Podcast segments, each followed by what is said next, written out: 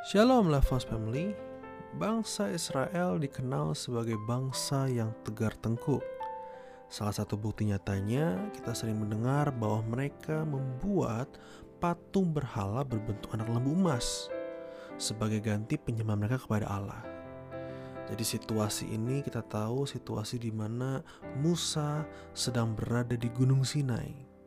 Jadi di sini kita bisa melihat bagaimana bangsa Israel menyembah berhala. Nah, saudara, menurut saya, kalau kita melihat dari peristiwa penyembahan berhala yang dilakukan oleh bangsa Israel saat itu, itu merupakan kebodohan bagi bangsa Israel. Mengapa saya katakan bangsa Israel bodoh? Sebab mereka itu sudah melihat bagaimana perbuatan Allah nyata dalam hidup mereka mereka sudah melihat secara nyata bagaimana tulah-tulah Tuhan nyatakan di dalam Mesir. Mereka sudah melihat bahwa anak sulung mereka tidak meninggal, tidak tersentuh satupun. Mereka sudah melihat bagaimana Allah membelah Laut Teberau untuk menyelamatkan mereka dari pengejaran bangsa Mesir. Tetapi kok bisa-bisanya setelah mereka melihat banyak hal yang demikian, mereka membangun dan menyembah patung yang tidak hidup untuk disembah. Kalau saudara dengar kisah ini, pasti kita akan ikut berpikir dan heran, kok bisa ya? Mereka sudah mengalami begitu hal banyak halnya dengan Allah, tapi mereka malah membangun sesuatu yang tidak hidup, terus mereka menyembah patung tersebut. Mazmur 135 ayat 15 sampai 17 berbunyi demikian. Berhala bangsa-bangsa adalah perak dan emas.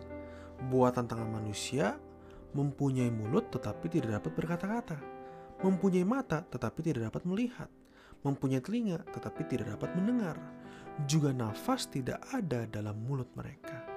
Mazmur menyampaikan pesan bahwa apa yang disebut berhala adalah ketika kita menyembah dan menggantungkan diri kepada sesuatu yang tidak hidup. Maka tadi Mazmur berkata mereka punya tangan, tapi ya mereka tidak bisa ngapa-ngapain. Mereka punya mulut nggak bisa berkata-kata, mereka punya mata nggak bisa melihat, bahkan nafas pun nggak ada. Bangsa Israel saat itu sedang menyembah dan menggantungkan diri kepada lembu emas yang tidak hidup, kepada patung yang tidak hidup. Nah, bagaimana mungkin coba saudara bayangkan sesuatu yang tidak hidup mampu memberi keamanan dan melindungi mereka. Tidak mungkin. Nah, jadi tidak mungkin sekali sesuatu yang tidak hidup bisa menyelamatkan hidup kita, betul? Dan demikian pula seharusnya bangsa Israel mengerti bahwa sesuatu yang tidak hidup itu tidak mungkin dapat menyelamatkan mereka. Nah inilah yang menjadi letak kebodohan bangsa Israel. Nah oleh karenanya, pada saat ini, saat kita hidup hari ini, kita perlu menyembah kepada Allah yang hidup. Kepada Allah yang hidup saja kita menggantungkan diri kita kepadanya. Ya memang hari ini kita tidak tidak bisa melihat dengan jelas mana Kristen berhala mana tidak. Sebab kita sama-sama ke gereja dan tidak menyembah patung. Tetapi saudara perlu ingat bahwa berhala berbicara tentang menggantungkan diri kepada hal yang lain di luar Allah.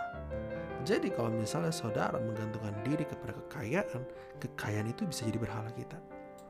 Wah pak, saya kalau hari minggu padat pak, saya harus meeting sana sini. Jadi susah banget saya ketemu ke Tuhan di gereja, saya susah banget untuk komsel. Wah pokoknya saya harus cari duit. Ya kan? Nah misalnya lagi misalnya kita punya kenalan banyak dengan para pejabat. Terus ketika kita direndahkan, kita langsung berkata, wah kamu gak kenal saya. Waduh, hati-hati. Kenalanmu itu jadi berhala kamu. Ya. Saudara harus tahu jelas orang kaya miskin pejabat orang kantoran semua sama di mata Tuhan. Jadi hari ini kita perlu tilik hati kita dengan sungguh-sungguh. Apakah kita sudah sungguh-sungguh menyembah Allah yang hidup atau jangan-jangan masih ada Allah-Allah yang mati hal-hal yang tidak hidup yang kita bangun, yang kita percaya, yang kita gantungkan diri, entah itu kekayaan, kepintaran kita, apa pun itu.